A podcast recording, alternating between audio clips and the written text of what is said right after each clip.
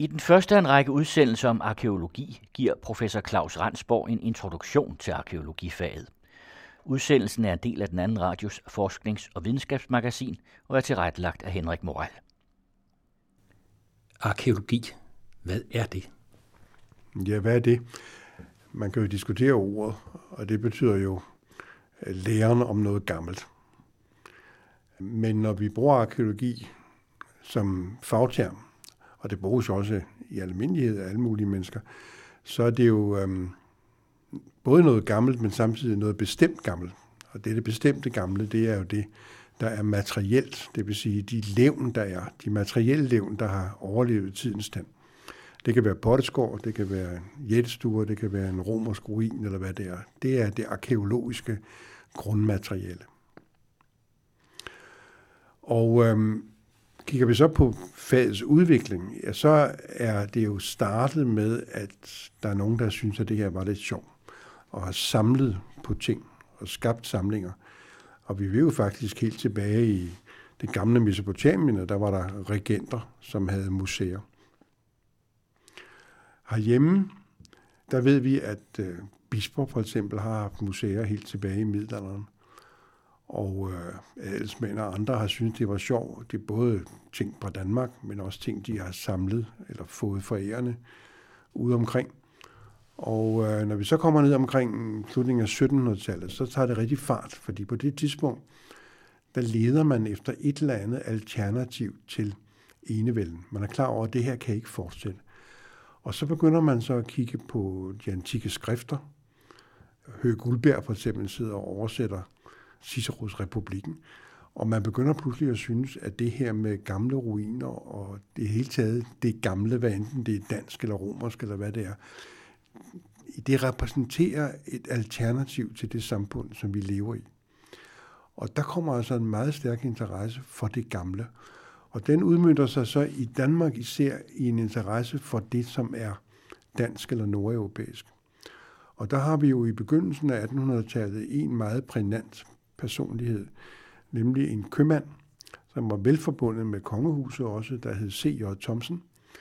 Det er ham med sten, bronze, jernalder. Det er faktisk ham, der, der postulerer, at sådan forholder det sig. I begyndelsen var der en stenalder, der var det stenene, man måtte bruge, når man skulle lave en kniv eller en økse, og så senere en bronze, og så kommer jernet, og så er vi oppe i vores egen tid, eller i hvert fald i middelalderen.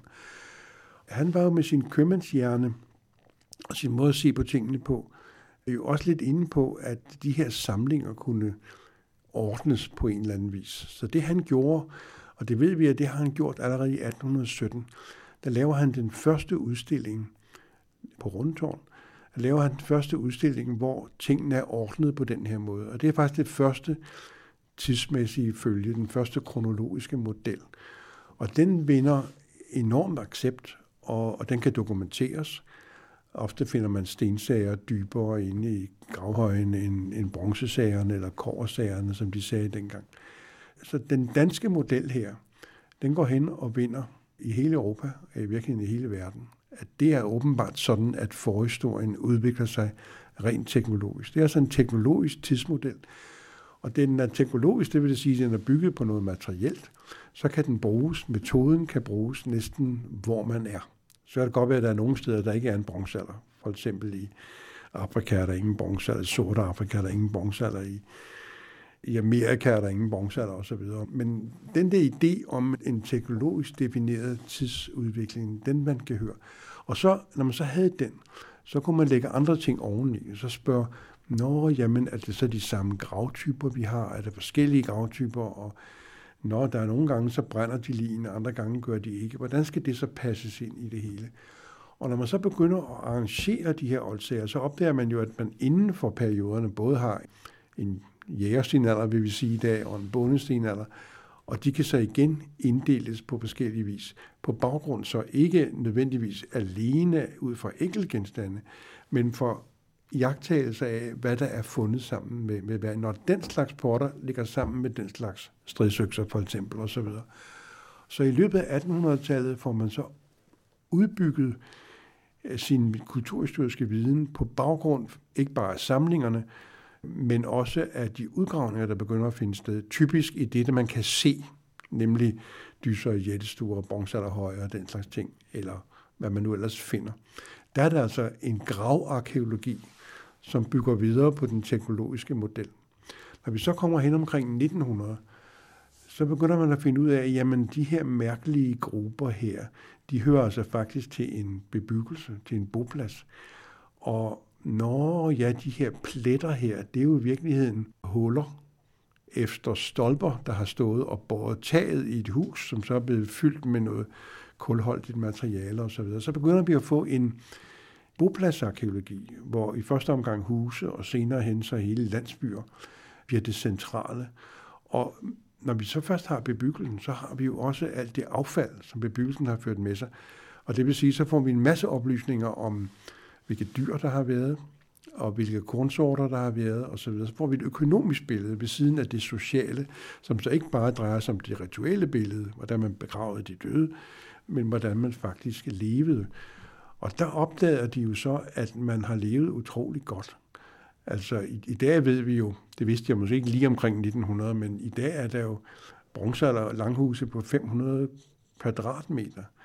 Altså, og i vikingetid lige så, altså faktisk så betegner det meste af, bortset fra adelsgårdene og så videre, og herregårdene, der betegner det meste af det, der foregår hele vejen ned til Jeppes landsby. Det, det er næsten en form på derut i forhold til oldtiden, hvor man har meget fri adgang til store ressourcer osv. Så, videre. så øhm, på den måde har det hele udviklet sig. Men der er endnu et aspekt, der er vigtigt at holde fast ved, og det er, at der også er en naturvidenskabelig interesse. Fordi allerede de første undersøgelser af køkkenmødingerne, køkkenmødingerne er jo de her, i virkeligheden man kaldte man affaldsdynger i gamle dage. Vi ved de fra slutningen af jægerstenalderen. Der så opdagede man jo, at der var alle de her skaller, og der var jo også dyreknogler, der var redskaber, der var det hele. Altså måtte vi have en komité af folk med forskellige kompetencer til at vurdere det. Så der kommer altså et, et stærkt tværvidenskabeligt aspekt ind i billedet, som omfattede naturvidenskaben. Og det har jo så også været det, der karakteriserer arkeologien i dag. Samtidig har der selvfølgelig været nogle skriftlige kilder. Der har været Sagæren, der har været Saxo osv., men en af de første ting, som arkeologerne fandt ud af allerede i 1840'erne, det var, at de skriftlige kilder kunne stort set ikke bruges til noget som helst. De var altså historier, de var eventyr, som måske kunne sige noget om den samtids øh, syn på sig selv og så videre på historien, men den var ikke brugbar til at forklare det arkeologiske materiale. Så der skiltes ligesom en teksthistorie fra en materielhistorie. Nu befinder vi os altså på et institut, hvor der også er både historie og arkeologi, så det er jo ikke sådan, de skildes totalt. Men, det er meget vigtigt at forstå, at arkeologien fik en chance for at udvikle sig som en, en videnskab, uden at være dikteret af et andet kildemateriale, savn og sagaer osv., som i virkeligheden var lidt forkert på den. Ikke? Altså, at Saxo kan ikke tages for pålyden, i hvert fald ikke ved de ældre faser, han beskæftiger sig med. Og der er det meget vigtigt, at arkeologerne ikke, eller ret hurtigt indser, jamen, vi bliver nødt til at danne os vores eget billede. Vi bliver nødt til at stå på vores egen ben. Men tilbage til det naturvidenskabelige. Allerede tidligt så man jo for eksempel indtryk i lerkar i det våde ler oprindeligt, før lerkarne blev brændt af korn og andre planter. Og det gav jo allerede lidt bidrag til det naturvidenskabelige billede. Og kommer vi op i 30'erne, så har man ligefrem begyndt at lave naturvidenskabelige afdelinger på Nationalmuseet, netop for at studere alt det der materiale, som siger noget om naturforholdenes veksling, økonomi, klimaforhold for den sags skyld osv. osv. Men det store naturvidenskabelige gennembrud i forhold til arkeologien, og det gælder hele verden, det kommer jo med, øh, med atomfysikken. Altså atombomben er jo en slags far til det, vi kalder Costa 14-dateringerne. Og med Koster 14-dateringerne, hvor man kan datere øh, ved at måle mængden af radioaktiv kulstof i en hvilken som helst prøve. Du og jeg indeholder jo både radioaktiv kulstof og almindelig kulstof af forskellige arter. Og der kan man så måle, hvor meget radioaktiv kulstof er der tilbage. Og når der er meget lidt tilbage, så er det fordi, det er en gammel prøve, og er der meget tilbage, så er det en ny prøve. Og det betyder så et gennembrud, fordi pludselig kunne man så beskæftige sig med arkeologien, også der, hvor der ikke var skriftlige kilder overhovedet. For ellers havde man jo, når det gælder øh, Europa, været meget afhængig af den gamle egyptiske kongerække, havde nær som på cirka 3.000 år, eller det er 3.000 år før Kristus, er 5.000 år tilbage. Og det var ligesom det, man måtte så bygge op. Og det vil sige, havde man en eller anden ting fra Ægypten, der var fundet i Grækenland, så kunne det være, at det var fundet sammen med noget, der var fra Centraleuropa, og så var det i Centraleuropa fundet sammen med noget nordisk. Så må man sådan krybe sig hen over kontinentet. Men stadigvæk inden for rammerne af noget, der enten var naturvidenskabeligt, vedrørte istiderne og de geologiske aldre, eller noget, der var forholdsvis sent. Så man havde kun den der ene referenceramme, nemlig den egyptiske kronologi. Men med Koster 14 bliver man sat på fri fod, om man så må sige. Nu kan man gå ud hvor som helst i verden og diskutere et eller andet fænomen og få det dateret. Og det gav altså det helt store gennembrud der i 50'erne og ind i 60'erne, hvor man også her i Danmark måtte lave om på meget af den vedtagende viden faktisk. Men det stopper jo ikke der. Vi går videre med pollen, selvfølgelig, det var allerede i 30'erne. Dendrokronologi, som man siger, hvor man lægger forskellige serier af årringssekvenser sammen i forhold til hinanden. Det er allerede noget, der er udviklet i Amerika i slutningen af 20'erne. Men i dag, der er der jo kommet så mange ting ind. Der er kommet, øh, at DNA er nok det er noget af det, som folk er mest optaget i i øjeblikket, fordi man tror, der ligger en dybere sandhed der. Det gør der sikkert også, hvis vi ellers kan finde ud af det, men vi vil også forstå, at DNA-forskningen, når det gælder det humane genom, er jo ligesom Danmark i 1817, når det gælder oldsager. Altså, arkeologerne ved meget mere. Så den nye viden skal så føjes ind i det. Men det stopper jo ikke der, fordi både på makroplanet, men især på mikroplanet, det er noget af det, der ikke har været dyrket så meget i Danmark, men hvor jeg selv har været deltaget sammen med min, min kone. Blandt andet øh, er israelerne meget, meget langt fremme i, i skolen, når det gælder mikroplanet. Mikroplanet er jo enormt vigtigt, når det drejer sig om sådan noget som parasitter, for eksempel, som igen har noget at gøre med sygdomme og, og så videre og så videre.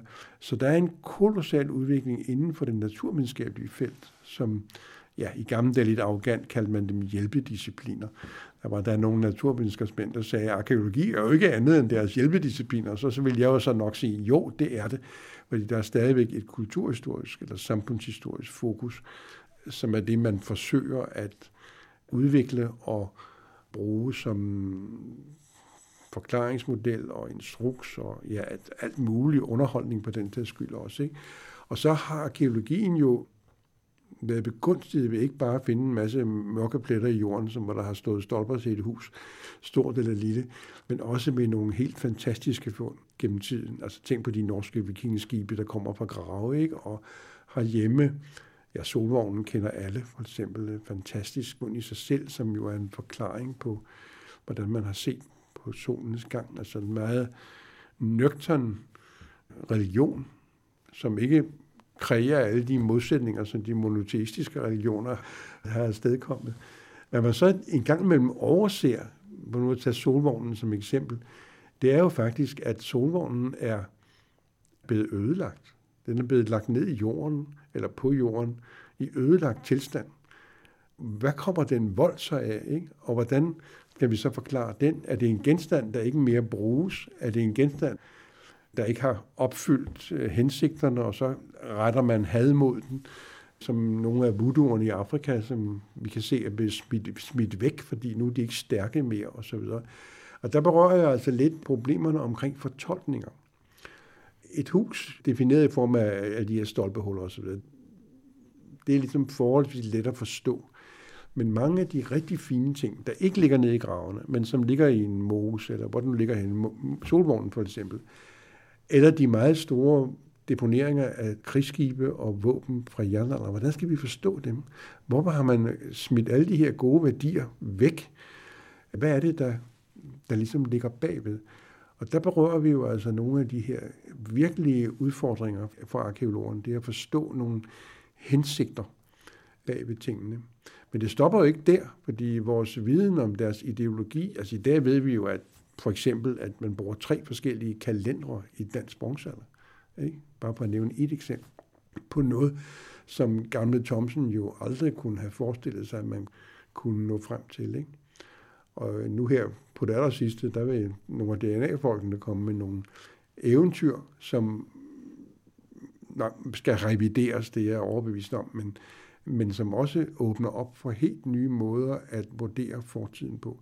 Hvis vi bare sørger for, at det hæges om den, at vi har midler til at grave, udgrave, altså bevare, studere osv. osv. Så ja, så kommer vi jo frem til spørgsmålet om, er det det værd?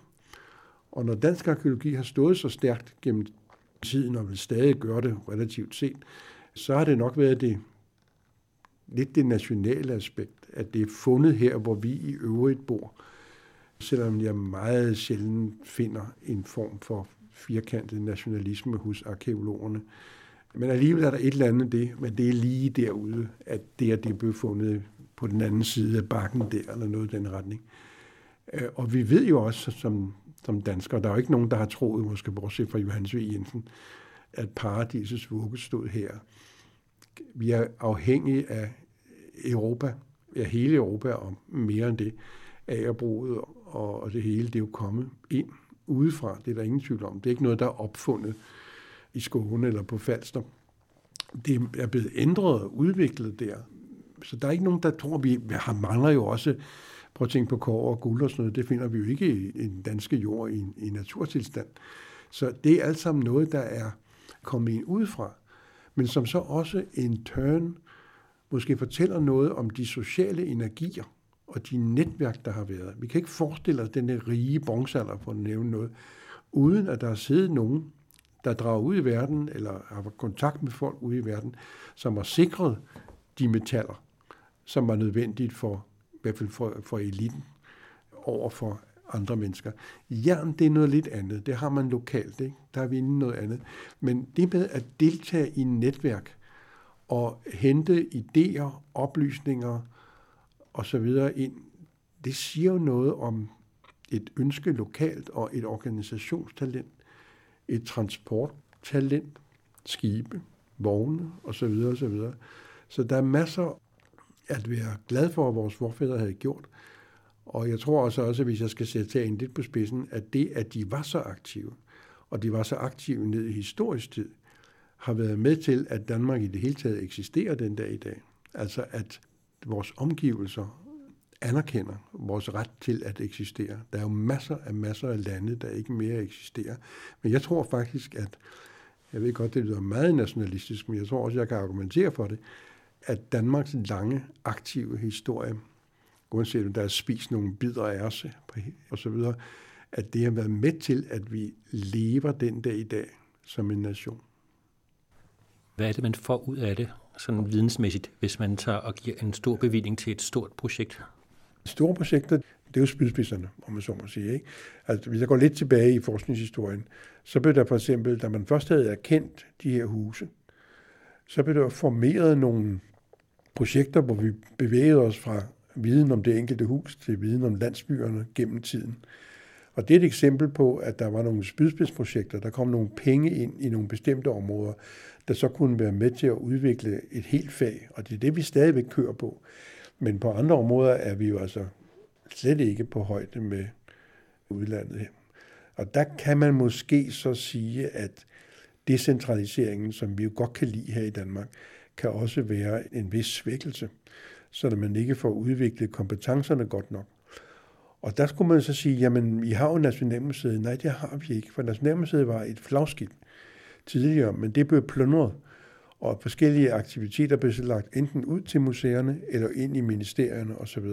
Så i dag er Nationalmuseet bare en samling, der selvfølgelig har et, et prestigefyldt navn og er i stand til at lokke nogle penge ud af fonderne og sådan noget, men vi mangler i Danmark nogle flagskibe, nogle virkelige flagskibe. Københavns Universitet har stået stærkt og gør det vel så stadigvæk. Aarhus kommer selvfølgelig også, men det er slet, slet ikke nok.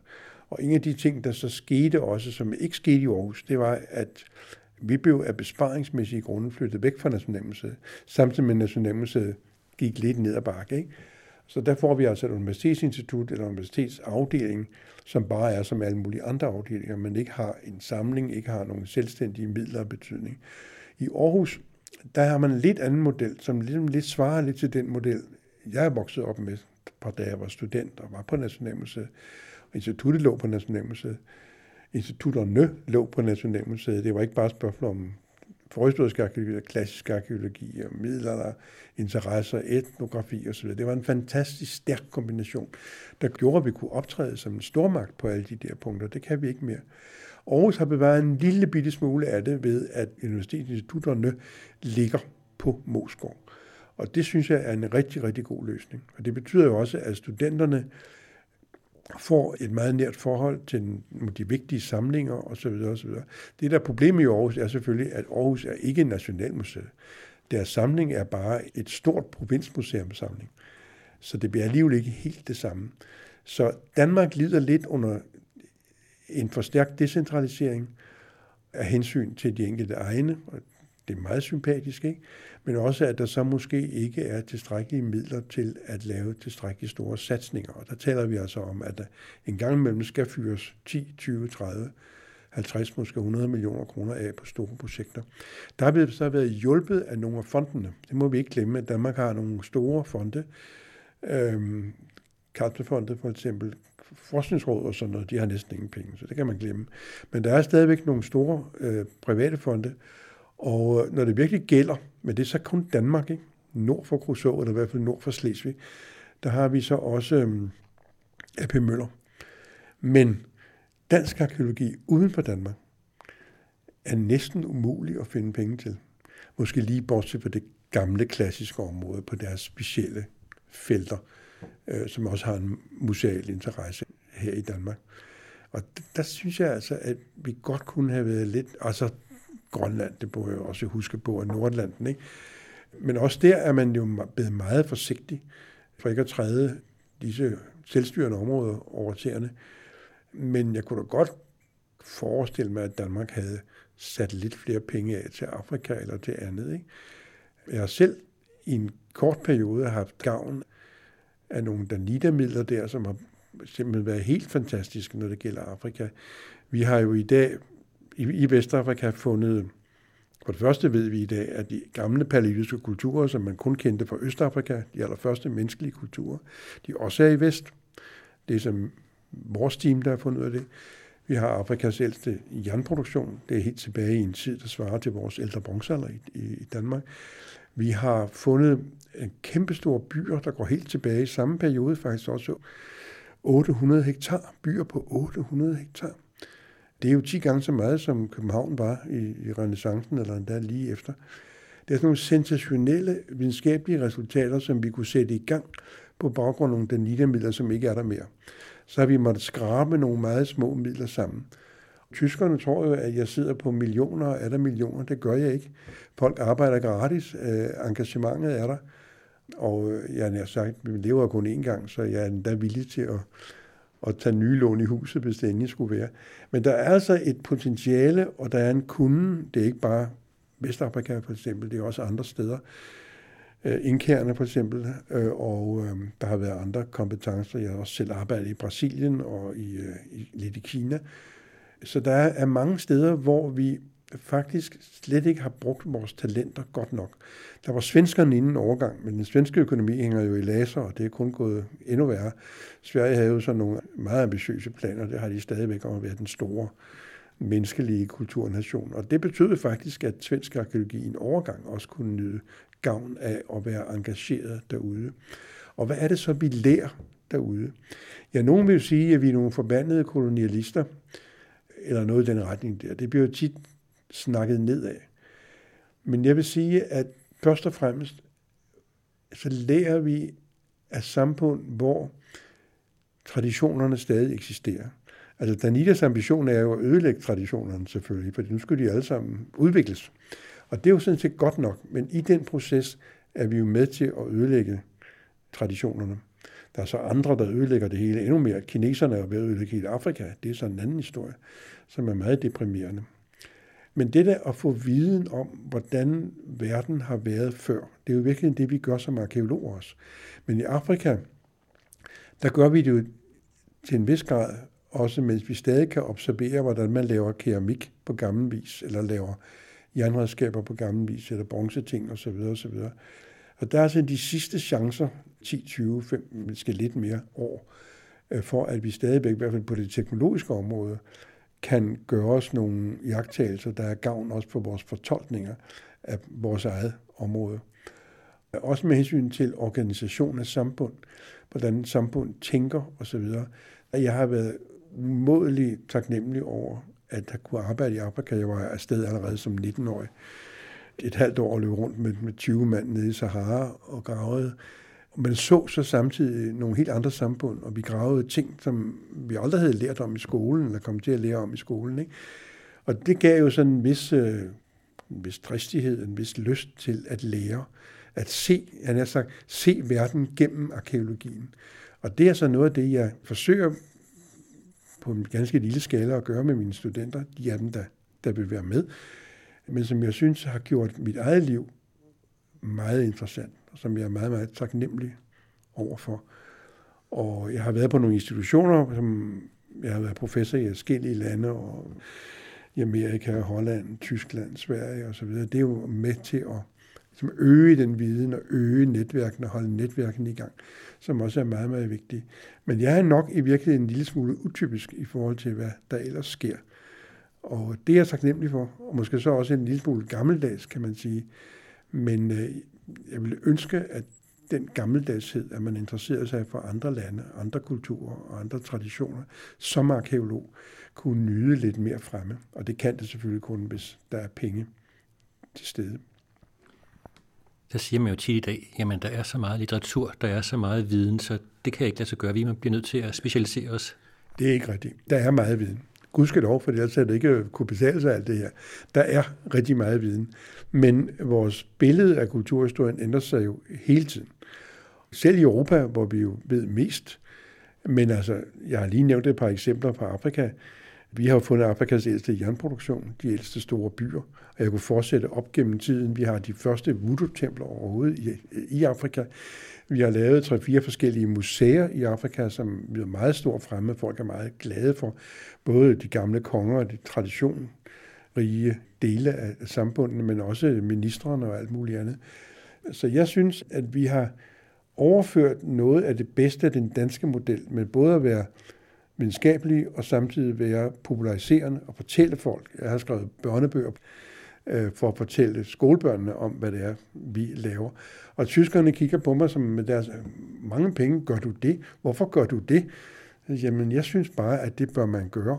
Og ikke mindst, når man er ude et sted, hvor der næsten ikke er den form for kultur. Altså museumskulturen eksisterer stort set ikke, ikke i den form i hvert fald. Og jeg synes, at det er en af mine forpligtelser, at sørge for, at den viden kommer ud, for eksempel i Afrika. Men det er jo også, føler jeg, min forpligtelse at gøre det samme her, når det gælder Danmark. Jeg har jo lavet en dansk arkeologisk Danmarks historie, ikke? Og, og, og så videre, og så videre. Altså det, jeg synes, det er en, en rigtig god del af dansk arkeologi, som måske finder sit smukkeste udtryk i tidsskriftet Skalk, som jo måske nok har lidt færre abonnenter i dag, men som jo stadigvæk har noget, der ligner 10 gange så mange abonnenter, som et tilsvarende tidsskrift vil have i Italien eller i Frankrig. Og det synes jeg er rigtig flot. Og der er en meget smuk tradition der, men vi må ikke glemme spydspidserne. Vi må ikke glemme at skaffe midler til videreudvikling af arkeologien, fordi der er hele tiden nyheder. Så den der idé med, at nu har vi det hele, den er helt forkert. Altså kig 10 år, 10 år, 10 år, 10 år, hele vejen igennem. Der sker så meget i hver eneste 10 år. Hvordan står arkeologien i Danmark? Danmark har jo en ganske speciel organisation. Vi har haft en meget stærk museumskultur. Og det har jo betydet, at vi aldrig rigtig har fået det hele centraliseret. I virkeligheden er retten til at grave, den er givet til forskellige udvalgte museer, som har kompetencen rundt omkring. Og museerne kan faktisk ikke grave selv. De skal ud og alliere sig med et museum, det sted, hvor de gerne vil grave, eller hvor de vil indgå i en samarbejdsrelation. Så det er unikt. Andre steder, der har man jo centraliseret det hele voldsomt. Enten i Sverige, hvor man havde meget stærkt rigsantikvarembede, der er økonomiske grunde, der er svenskerne jo, som måtte opgive det der. Så de har en række firmaer i stedet for. Og det har vi slet ikke udviklet her. Der er det stadig museerne, som har øh, kompetencen og er dygtige nok til at stå inden for det der. I Sverige er de da så meget på på halen, for ikke at bruge et stærkere ord, at de begynder at sælge ud af deres monumenter. Det er helt utroligt. Det er helt utroligt. 20 meter grænser og 100 meter grænser, det er ved at blive ophævet i Sverige af bare økonomiske nød, fordi Sverige så har nogle andre prioriteter. Så museernes styrke, stadigvæk, selvom mange er blevet lagt sammen for at gøre dem endnu stærkere, det kendetegner det danske arkeologiske billede. Det andet, der kendetegner billedet ude, udgravninger og sådan noget, det er kompetencerne. Altså i Tyskland arbejder man jo meget med udgravningsteknikere, det vil sige folk, der ikke er faguddannet. Altså, tag nu et eksempel som store udgravning i Lübeck. Virkelig kolossalt stor udgravning i Lübeck. Hvor mange mønter finder de? Tre eller fire tilfældigvis. Ikke? På en meget, meget mindre udgravning i Ribe, der finder de hundredvis. Fordi der er folk trænet til at skulle se efter det og gå jorddyngerne igennem på mønter osv. Så, videre, og så, videre. så et eller andet med, at den danske uddannelse er rigtig god til at klare de der dagligdags arkeologiske ting. Der, hvor det kan halte lidt, det er snarere med hensyn til penge til de store projekter, for det er der ikke det, så er der heller ikke nogen rigtig ny udvikling inden for faget. Og der synes jeg nok, at vi er kommet bagud, også i forhold til tyskerne. Altså efter tyskerne overvandt sammenlægningen øst-vest efter murens fald, der er de satset meget på arkeologi med meget store pengemidler. Nok også lidt, fordi der er en tradition i Tyskland for, at arkeologien er en måde at engagere sig i andre lande på. Altså, der er ligesom en eller anden mærkelig relation mellem udenrigspolitik og arkeologi. Fordi her er der et neutralt emne, som kan forbinde folk øh, fra Tyskland med folk ude omkring. Og der er sat meget store midler af til det. Men Danmark har været alt for nationalt tænkende, alt for restriktivt der, og slet ikke kunne heller kunne få de store midler. Og det betyder altså også, at det meget velordnede, gode danske materiale bliver jo udnyttet af de tyske arkeologer. De er der hele tiden. Og tit er vores materiale bedre dokumenteret end, det tyske. Og det kan ærge en lidt som gammel universitetsmand, at vi ikke har midlerne til at bare at matche den interesse fra især tysk side, men også fra andre side, men især tysk side, som vi ser i de her år her. Så vi skal have mange flere penge til nogle virkelig gode, velgennemtænkte projekter. Ikke bare nationale projekter, men selvfølgelig i samarbejde med tyskerne og med andre. Altså ser vores, vores naboer, øh, polakkerne også, og hvad der ellers kan være, svenskerne naturligvis. Der har der så haltet noget. Jeg tror, man har tabt, desværre tabt lidt instinktet for historien. Historien er blevet nogle fortællinger, de er der jo stadigvæk. Der er jo masser af film og alt muligt andet, hvor der optræder folk i, i sjovt tøj og gør interessante ting. Men historien spiller ikke den samme rolle, den samme som siger, videnskabelige rolle for vores opfattelse, som den gjorde tidligere. Det kom lidt op igen efter 2. verdenskrig. Og det bekymrer mig lidt, for jeg kan jo se, at den gør det andre steder. Men af en eller anden grund har vi ikke haft tilstrækkeligt dygtige folk til at øh, hente penge. Der har selvfølgelig været store pengemidler til klassisk arkeologi, så videre. Vi, vi skal ikke klage, men jeg gør det alligevel, fordi relativt set, så mangler vi altså penge i toppen, og ikke nede i bredden. Og det er alligevel stadig i sidste ende toppen, som skal være med til at udvikle et fagområde fremover. Hvad betyder egentlig nedudgravningerne for den øh, viden, man får? Ja, de er jo meget vigtige, fordi tidligere var der selvfølgelig også nødudgravninger. Altså, der var nogen, der henvendte sig til Nationalmuseet, og gamle Thomsen, han steg på en hestevogn og kørte ud til Kongens Lyngby og fandt et fantastisk fund. Ikke? Men i dag er nødgravninger jo en del af finansieringen. Oprindeligt var det staten, der betalte for det hele, og så kunne man se, at det gik altså ikke længere. Så lavede man lovgivningen om, og man kalder det skadevolder betaler. Skadevolder, det er altså den stakkels fabrik, Toms chokoladefabrik eller sådan et eller andet, der skal bygge en ny hal, de skal så betale for undersøgelse af grunden, hvor hallen skal ligge. Øh, vi gør meget for at underrette folk om, hvor det kan komme til at koste, og hvor det ikke kan komme til at koste. Og staten er jo ikke efter den lille mand, der skal have en ny garage eller sådan noget. Der forventer man jo, at der er nogle reserver, som kommer ind i billedet. Men nødgravningerne, det er den typiske måde, hvorpå vi får ny viden. Hvis vi gør det klogt og med lidt ekstra penge, jeg mener, at vi ikke bare lige graver der, hvor motorvejen skal være, men når motorvejen går hen over noget meget interessant, så lige har midlerne til at gå lidt ud til siden for at se, hvad det her faktisk er. Ikke? Og der er det meget vigtigt, at der er vågne øjne overalt, og der er det, de her museer kommer ind i billedet. Der er decentraliseringen rigtig, rigtig god, fordi folk kender deres lokale museer, kan henvende sig til deres lokale museer. Det er en del af, af den danske model styrke, så ikke et ondt ord om det. Vi mangler bare lidt mere oppe i toppen. Hver eneste år er der store bevægelser, men der er endnu større bevægelser ude omkring i verden. Altså det, vi har gjort i Afrika, er jo at lege C.J. Thomsen 1817. Nu er det altså bare K. Rensborg, Vestafrika 2015, men det er lidt det samme, vi gør. At åbne helt nye kulturhistoriske verdener, også for dansk arkeologi. Ikke så meget måske for danskerne. De har lidt svært ved at forstå perspektivet, kan man sige. Men når de hører på det og forstår det, så er det også med til at berige de danskere, der interesserer sig for det. Og jeg må nok sige, når du sidder du og, og lokker mig lidt her, men jeg vil nok sige, at arkeologi er jo et meget populært område. Det er meget let for folk at forstå, hvad det drejer sig om. Vi har det jo meget nemmere end DNA-genomfolkene, men der er jo ikke nogen, der rigtig forstår, hvad det egentlig drejer sig om. De kigger kun på resultaterne, mens de almindelige mennesker kan jo følge med i de arkeologiske procedurer langt hen ad vejen, og selv kigger arkeologerne over skuldrene og i hvert fald stille spørgsmål. Bare åbne skalk, så kan I se det hele lige fra det tilfældige fund, det udgravede fund til fortolkningerne osv. Det er der alt sammen tilgængeligt for den typiske skalklæser, som er en dame på 55 fra Herning, fortæller statistikkerne. Og det synes jeg jo er rigtig sjovt. Vi har også gode ting inden for naturvidenskab. Altså, vi har virkelig gode ting der også, der illustrerer naturvidenskab for eksempel og så videre. Så jeg synes, at vi er rigtig godt med her. Men det er noget, som jeg egentlig synes, man burde lære af, også i Kina eller andre steder, hvor man ødelægger Afrika. Altså, du skal ikke tage alle de her skove, du skal ikke fælde øh, dyrehaven flere gange om året, medmindre du samtidig giver noget til de områder, hvor du udnytter ressourcerne.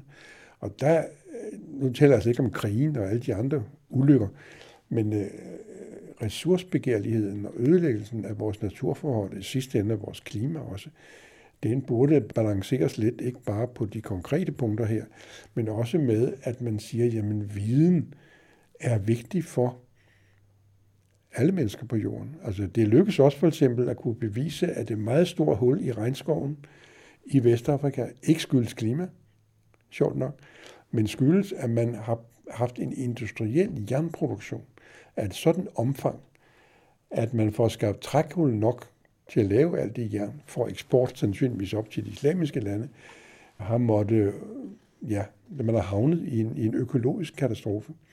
Så økologiske katastrofer er altså ikke bare os, men det er også mennesker ude omkring. Så jeg synes, at dette er af forskellige samtidige ting, viden om samtid og fortid og samkøring af kulturhistoriske observationer, arkeologiske observationer, naturvidenskabelige analyser osv., det er noget af det, der gør arkeologien til en af de allermest folkelige, men også en af de allermest spændende videnskabsgrene og med et kolossalt potentiale. Du aner ikke, hvor lidt vi i virkeligheden ved om Afrika. Næsten ingenting. Udsendelsen var tilrettelagt af Henrik Moral